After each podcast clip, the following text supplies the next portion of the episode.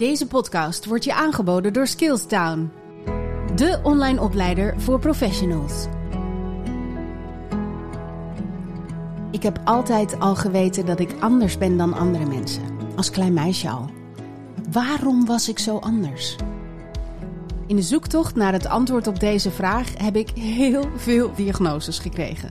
HSP, ADD, ME, ADHD en zelfs persoonlijkheidsstoornis. Inmiddels weet ik gelukkig wel het antwoord op mijn vraag. Autisme, spectrum, stoornis. Oftewel, autisme.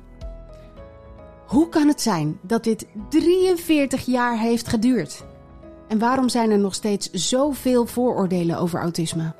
Wat is autisme dan wel precies?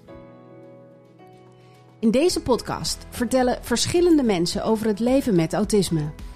Elk verhaal zo uniek en tegelijkertijd met zoveel overeenkomsten. Ik hoop door deze gesprekken het idee dat mensen over ASS hebben te verbreden en zo eindelijk van het Rainman-syndroom af te komen. Dit is Autisme ontrafeld. Mijn gast van vandaag is Sanne van Zonneveld. Ze is bijna 28 jaar, heeft autisme en vlogt hierover op YouTube. Welkom Sanne. Bedankt. We gaan het hebben over jouw leven met autisme. Wat je meemaakt in je dagelijks leven, wat je beperkingen zijn, wat je superpowers zijn. Maar laten we bij het begin beginnen. Wanneer kwam jij erachter dat je autisme had? Ik kreeg een vermoeden toen ik 15 was. En dat was eigenlijk per ongeluk omdat ik via biologie achter een bepaald syndroom kwam. En toen ook een heel autistisch kenmerk. Toen dacht ik, laat ik alle syndromen eens bekijken van A tot en met Z. En de eerste was syndroom van Asperger. En ik las daarover. En toen dacht ik, wow, dit gaat over mij. Dat was de eerste keer dat ik een vermoeden kreeg van autisme. Wauw.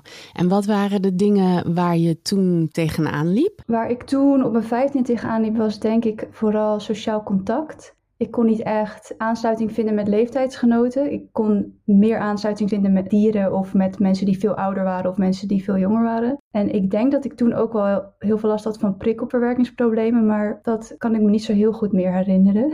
ik had wel wat achterliggende psychische problemen, zeg maar. En toen je dat las, toen dacht jij, dit gaat over mij. Ja. En hoe heb je het toen verder aangepakt? Ik was naar mijn moeder gestapt en had haar verteld van... hé, hey, dit is wel heel gek. Het lijkt alsof ik over mezelf lees. En zij had toevallig twee weken daarvoor met een collega het over mij gehad. En daaruit kwam ook uit dat gesprek de conclusie dat ik misschien autistisch kon zijn. En toen ben ik eh, met haar naar de huisarts gestapt en toen ben ik de molen ingegaan. En uiteindelijk na 2,5 jaar uh, heb ik mijn diagnose gekregen. Tweeënhalf jaar? Ja. Wauw, waarom heeft dat zo lang geduurd? Ja, ik denk gewoon een, uh, een, geval van pech. Ik kwam eerst bij een psychiater terecht en toen ik daar eindelijk klaar was, zei hij, nou, ik geef geen diagnoses. Dat wil ik een kind niet aandoen. En toen dacht ik, ja, dat is lekker dan, maar ik zit uh, daar wel voor hier.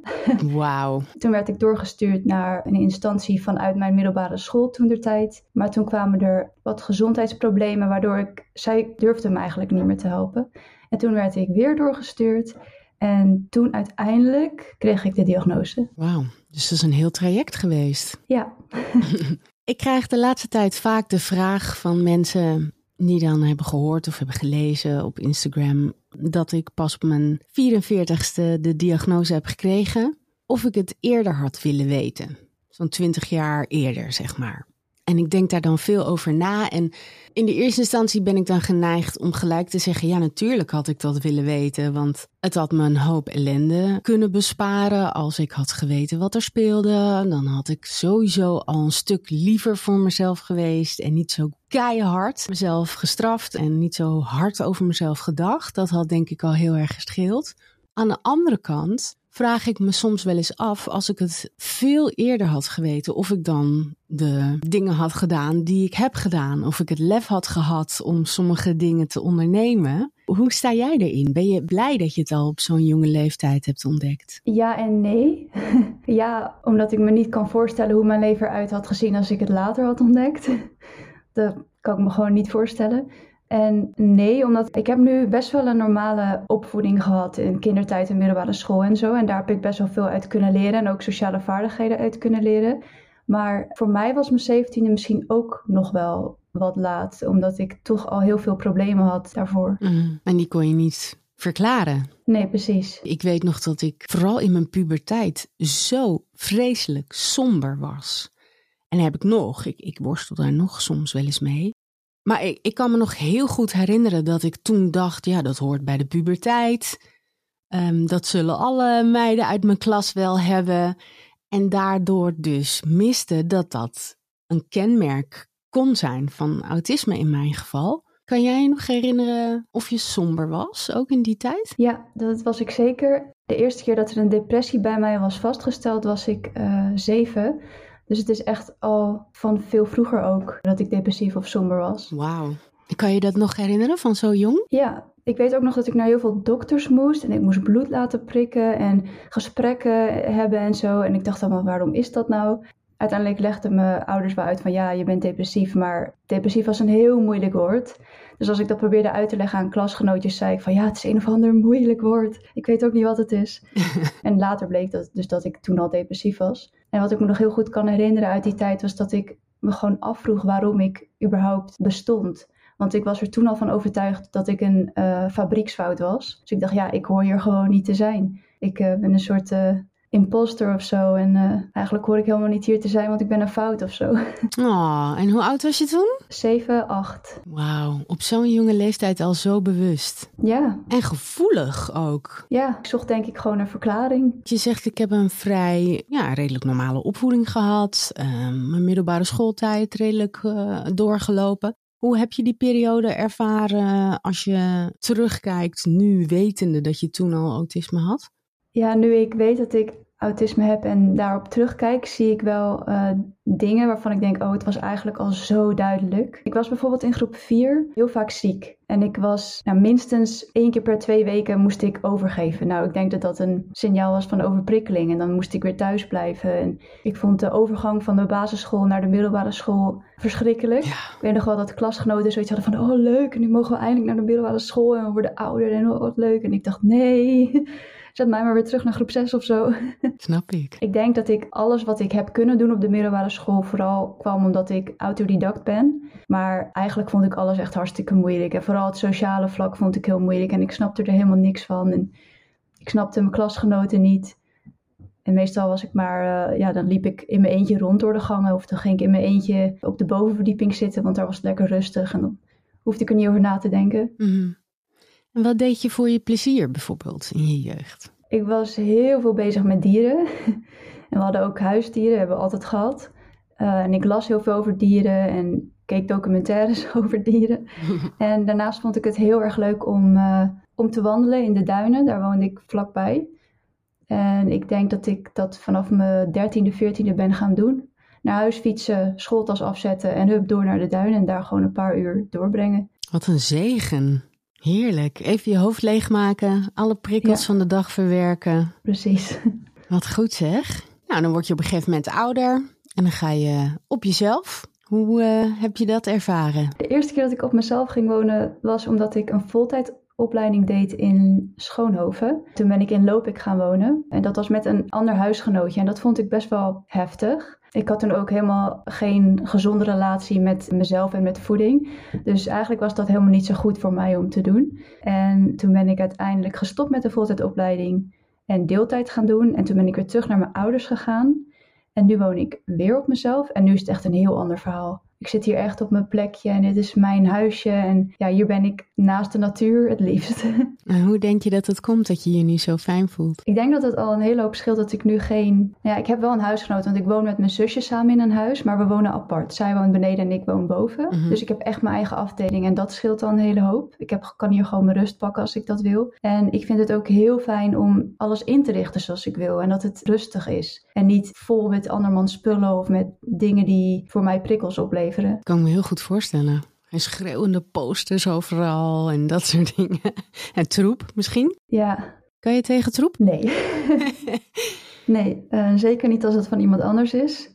Want ik heb zelf ook wel eens dat ik gewoon te moe ben om op te ruimen. Dan leg ik het ook maar ergens neer. En, maar zodra ik energie heb, dan ruim ik het op. En het is bij mij eigenlijk altijd enigszins netjes. Ja. En als ik troep heb, dan ligt het op stapeltjes geordend, zeg maar. ja, herkenbaar. Je hebt een hele mooie site en je maakt vlogs over het hebben van autisme. Vond je het in het begin niet lastig om er zo open over te zijn? Ik vond het heel lastig. En ik was er ook al jaren mee bezig. En ik heb het iedere keer uitgesteld. Ik dacht, nee, nog niet, nog niet. En uiteindelijk dacht ik, nou weet je wat, ik doe het gewoon en ik kijk wel wat het oplevert. En ik had eigenlijk verwacht van, nou, misschien twintig mensen waarvan de helft familie is die gaat luisteren naar mijn video's of gaat kijken naar mijn video's. En dat het zo goed zou gaan, dat had ik eerlijk gezegd niet verwacht. en nu vind ik het echt super leuk. Het went wel om voor de camera te zitten. Ja? ja. Vond je het naar in het begin? Ja, mijn eigen stem horen. Nou, dat, volgens mij heeft iedereen dat. is sowieso heel raar. En je ziet jezelf ook nooit van een afstand. Dus ik zag allemaal dat ik dingen deed. Ik dacht, hè, waarom doe ik dat?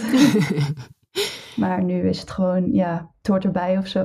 Ja, en er wordt ontzettend leuk op gereageerd. Je doet het nu al een jaar of drie? Ja, zoiets. Met wat pauzes ertussen. Wat denk jij dat er naast de nodige media-aandacht voor nodig is om ervoor te zorgen dat vrouwen niet zo laat meer gediagnosticeerd worden? Ik denk dat vanuit de diagnostiek dat er misschien wat beter naar gekeken kan worden. En ook in de DSM bijvoorbeeld. En ook dat mensen die diagnoses geven er meer verstand van hebben. Want daar vind ik dat er nu toch ook wel wat tekort in wordt geschoten, zeg maar.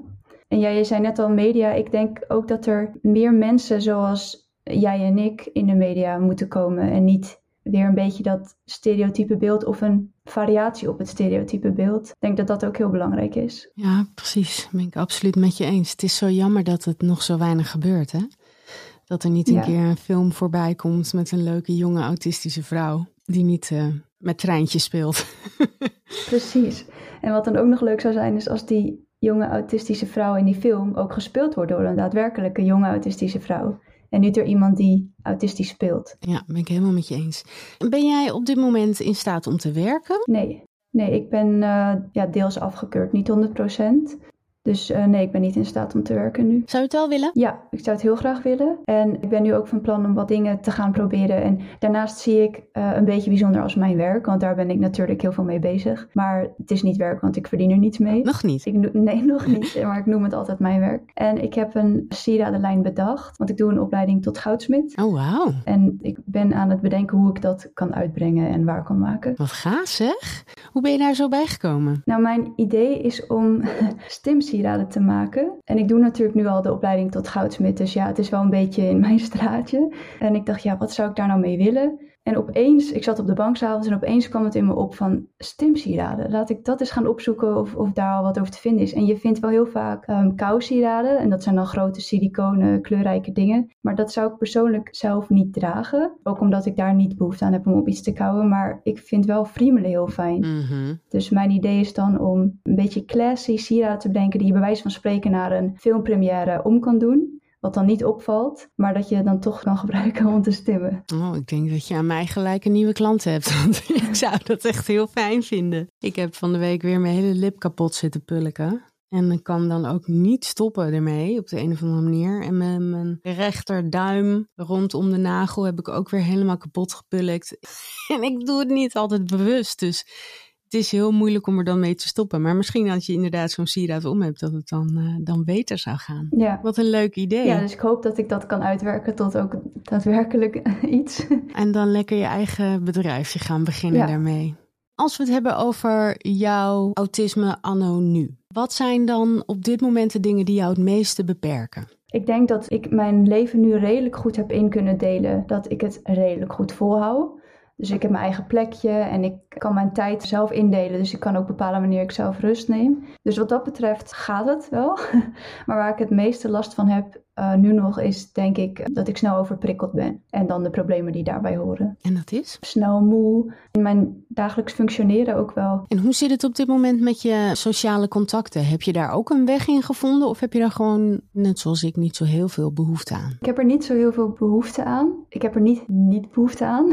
het is een beetje dubbel. Ik kan zo drie maanden lang niemand spreken en dan maakt het voor mij helemaal niet uit. Maar ik vind het wel leuk om, om vrienden te spreken. En ik heb nu een aantal goede vrienden en vriendinnen die ik gewoon één keer per maand zie. Of minder zelfs. En dat is prima. En daarnaast zie ik ja, ieder weekend mijn vriend. En dat is het. Daar heb je ook helemaal je weg in gevonden. Ja. Wat fijn. Ja. En we hebben het gehad over dingen die je beperken. Wat zijn dan je superpowers? Oeh, dat is een goede vraag. Ik denk dat een superpower van mij is, is dat mijn brein altijd bezig blijft. Er is nooit een moment dat ik niet nadenk, maar daardoor blijf ik zelf ook altijd bezig. Dus er zijn altijd dingen die ik aan het doen ben. En ondanks dat ik niet echt werk, ik zit nooit een hele dag op de bank of zo. Er is altijd wel iets dat ik ja, aan wil pakken om te doen of ergens waar ik mee bezig wil zijn. En ik denk dat dat een superpower is, maar ik heb eerlijk gezegd geen idee of dat bij autisme hoort of niet. Ik denk het wel. ja, maar ik denk het wel. Mijn hoofd staat namelijk ook nooit stil.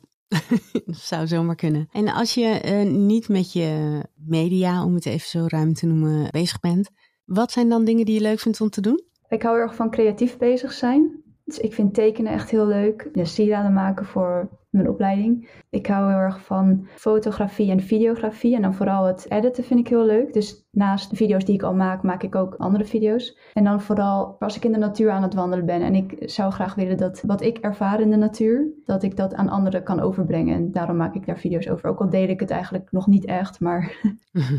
Waarom niet? Ja, weet eigenlijk niet. Misschien bang om commitment aan te gaan of zo. Ja, snap ik wel. Want ik vind het wel echt heel leuk om te doen. En misschien vind ik het te leuk en ben ik daarom ook bang om te beginnen. Want ik denk, ja, straks wordt het niet meer leuk of zo. Ja. Ja. En je hebt een super schattig hondje. Vertel er eens wat over. Mila. Ja, zij woont bij mij sinds april. En ze komt uit Portugal. Daar is ze op straat gevonden. Ik weet ook helemaal niks van haar verleden. En ze is min of meer per toeval bij mij gekomen. Ja, het is heel erg leuk om, om haar te zien groeien. En ze was in het begin echt wel bang en ze had niet echt een persoonlijkheid. En nu zie je echt steeds meer haar persoonlijkheid naar buiten komen en hoe vrolijk ze eigenlijk is. Oh. En ook ondeugend af en toe. Heb je enig idee hoe oud ze is? Ja, ze wordt geschat op twee ongeveer, maar het kan ook drie of vier zijn. Dus Mhm. ik denk dat twee wel klopt, maar zeker weet ik het niet. ja. Wat vind je het leukste aan het hebben van een hond? Het leukste is dat je gewoon, vind ik althans, dat je een maatje hebt. En het, het is een maatje dat niet zo ingewikkeld is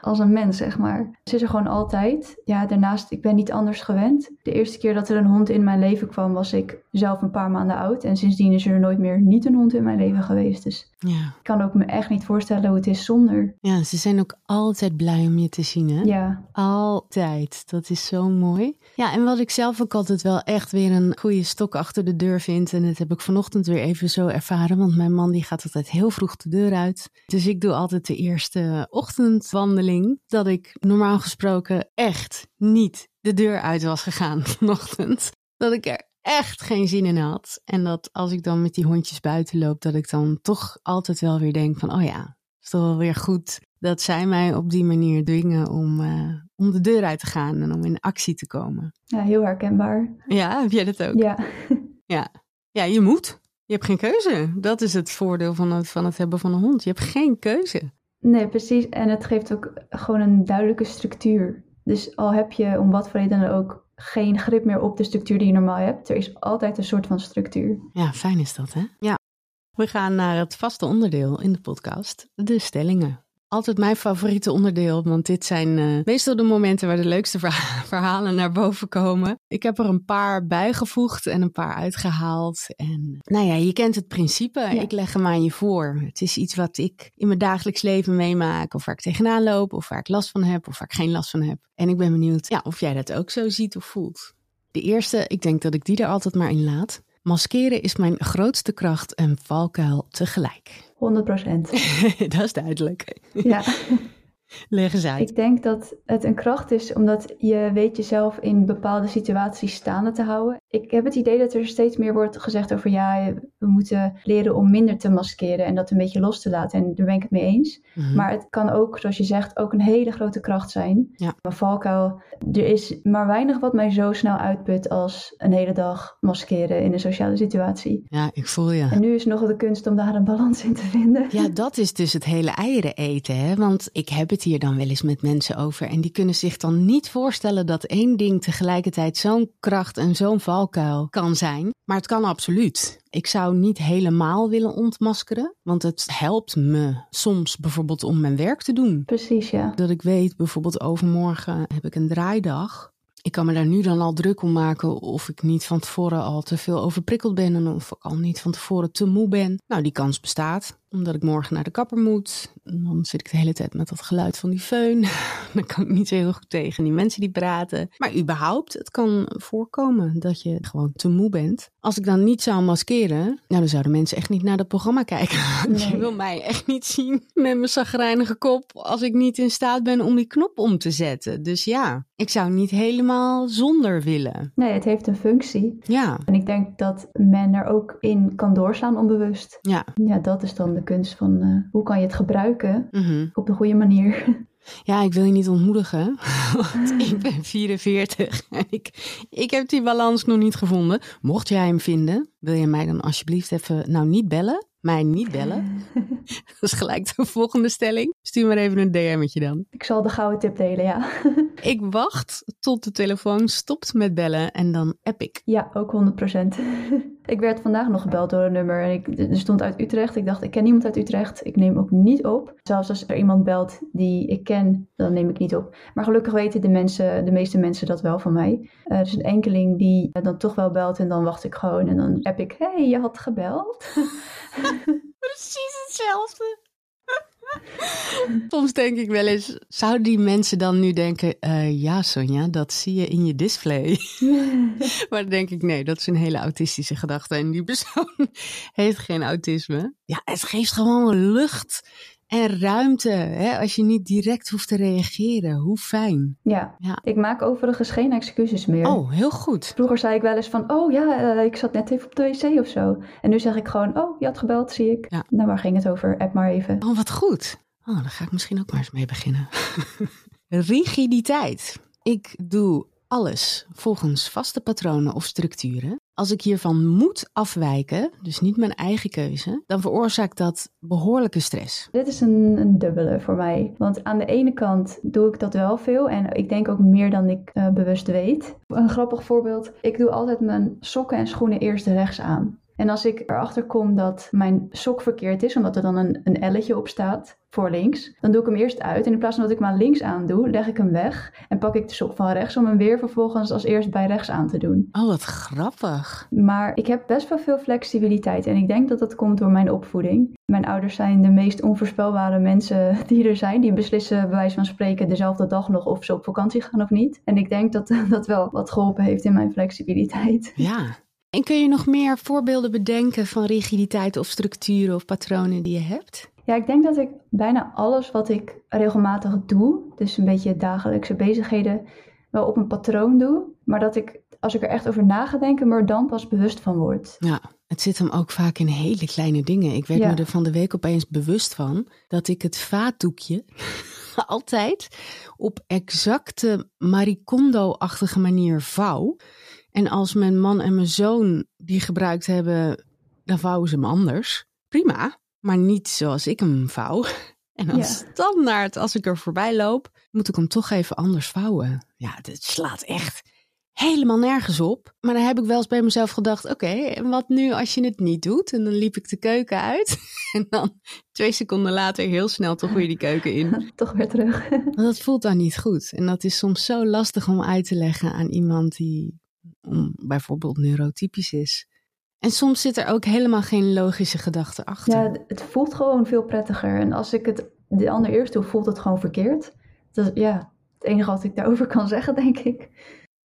Even kijken. De coronacrisis heeft heel veel invloed op mijn mentale gezondheid.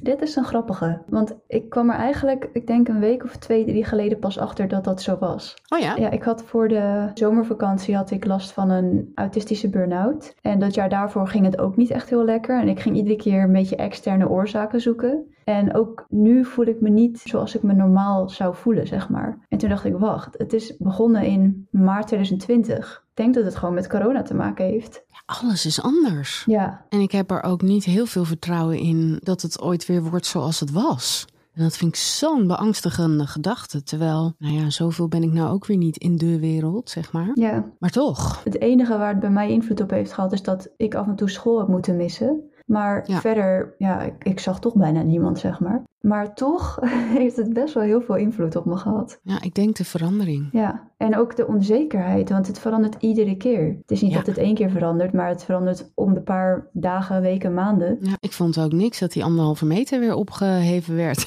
Ja. ik vond het wel prima. Ja, ik ook. Lekker toch? Al die ruimte in de supermarkt en de rij en zo. Terwijl normaal gesproken iedereen altijd hutje-mutje staat. Ja, Even zien.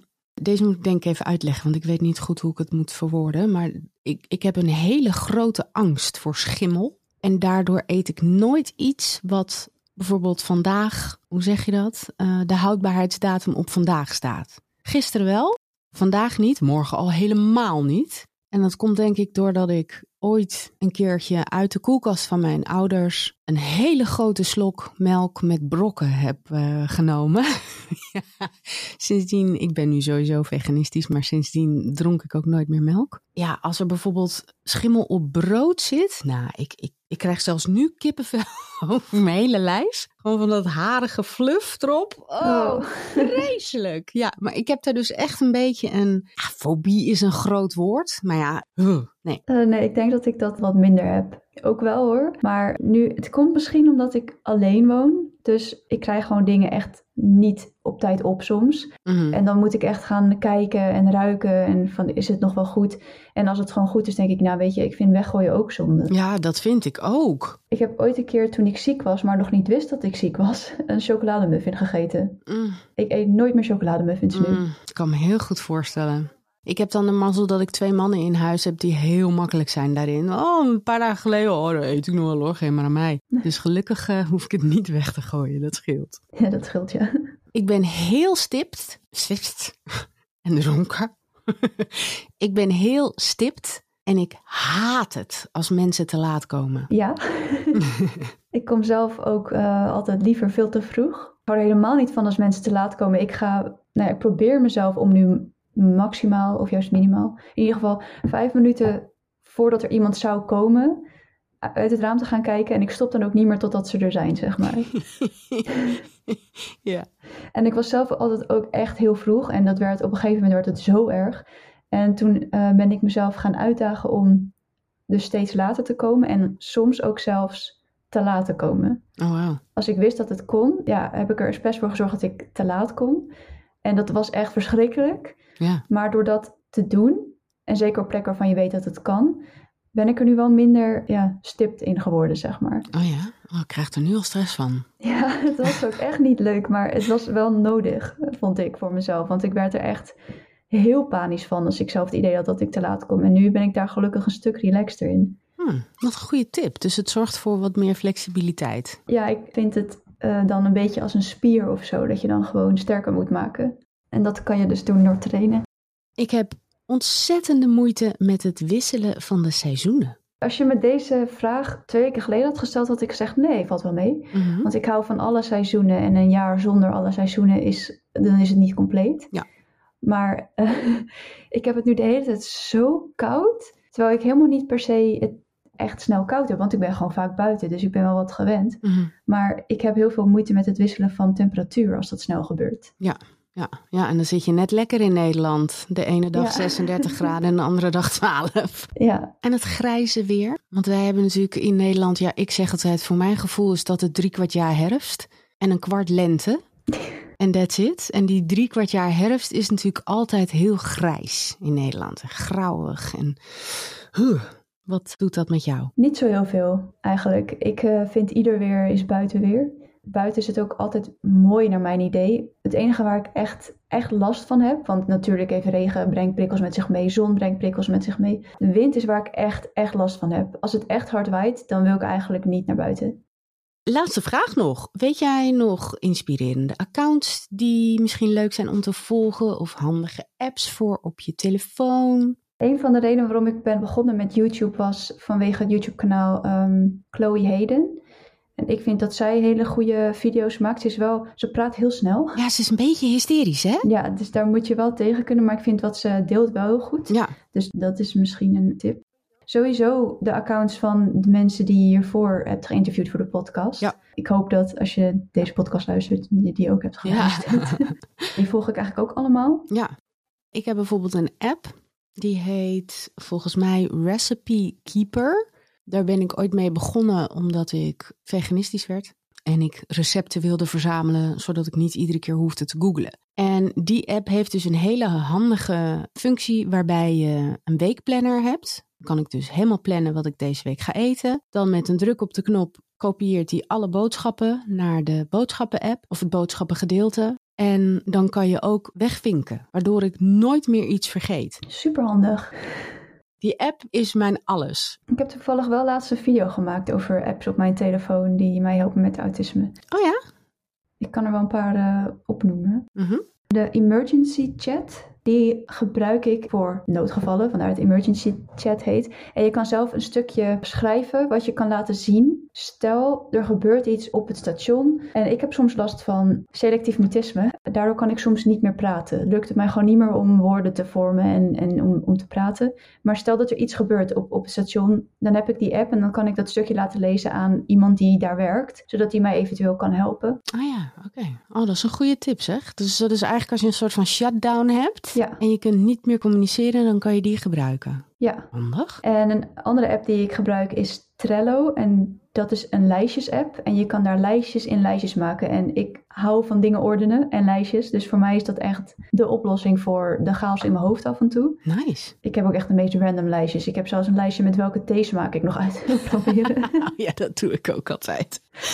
ja. Alsof mijn brein gewoon iets moet hebben wat het kan ordenen of zo. ja, snap ik. En ik heb de multitimer. Ja? En dat is ook een hele fijne app. En daarmee kan je meerdere timers zetten. En dat is bijvoorbeeld met koken heel handig. Mhm. Als je dingen op verschillende momenten klaar moet hebben. Ah ja. Eh, ik kan dat gewoon niet. Zodra er meer dan één pan is, dan denk ik. eh, Ja, snap ik. dus dat is een hele fijne eh, app daarvoor. Wat goed. En daarnaast, de laatste, die misschien nog wel interessant kan zijn, is Fluid. ehm, F-L-U-I-D. En dat is een app die gebruik ik om te stimmen. Helemaal goed. Hoe voel je je nu? Heb je je helemaal uitgeput? Eh, ik heb een heel warm hoofd. ik heb zweetoksels. Ja, ik ook. ijskoude handen. Ja, same. En eh, ik ben een beetje aan het trillen. Maar dat is volkomen normaal voor mij. Ja, en normaal gesproken had ik koude voeten gehad, maar ik heb nu twee paar sokken aan. Ah, Dus dat heb ik weten te voorkomen. Nee, we gaan ook stoppen. Het is mooi geweest. Eh, ik denk dat we genoeg eh, besproken hebben en dat het ook tijd is voor wat downtime. Ik ga lekker schilderen. Wat ga jij doen? Ik ga straks voor het eerst een nieuwe therapie uitproberen. Oeh, spannend. Online? Nee, ik moet erheen. En het heet Healing Touch. En dat is, ik denk, vergelijkbaar met Reiki. Alleen hoeft ze je niet aan te raken. Oh, spannend. Om te kijken of ik wat vermoeidheid en blokkades kan eh, wegkrijgen. Nou, laat me even weten hoe het ging. Vind ik wel leuk. Ik hou altijd wel van dat soort dingen. Ja, Heel, heel erg bedankt, Sanne, voor je openhartige verhaal. graag gedaan. Heel fijn dat je eventjes de tijd hebt genomen om eh, met me te kletsen. Ik had echt geen idee wat ik kon verwachten, maar ik vond het echt superleuk. Ah, fijn. Fijn om te horen. Ook echt heel leuk dat je dit doet. Thanks. Jullie ook bedankt voor het luisteren. Mocht je nog vragen hebben over autisme, dan kun je natuurlijk altijd mailen naar sonja.silva.skillstown.com of naar Celine. Zij is psychologe en zij kan misschien net even iets dieper ingaan op eh, vragen die je hebt. Je kunt haar mailen op info.autismekracht.com. En volgende week is er natuurlijk weer een nieuwe aflevering met een nieuwe gast met een heel eigen verhaal. Tot dan.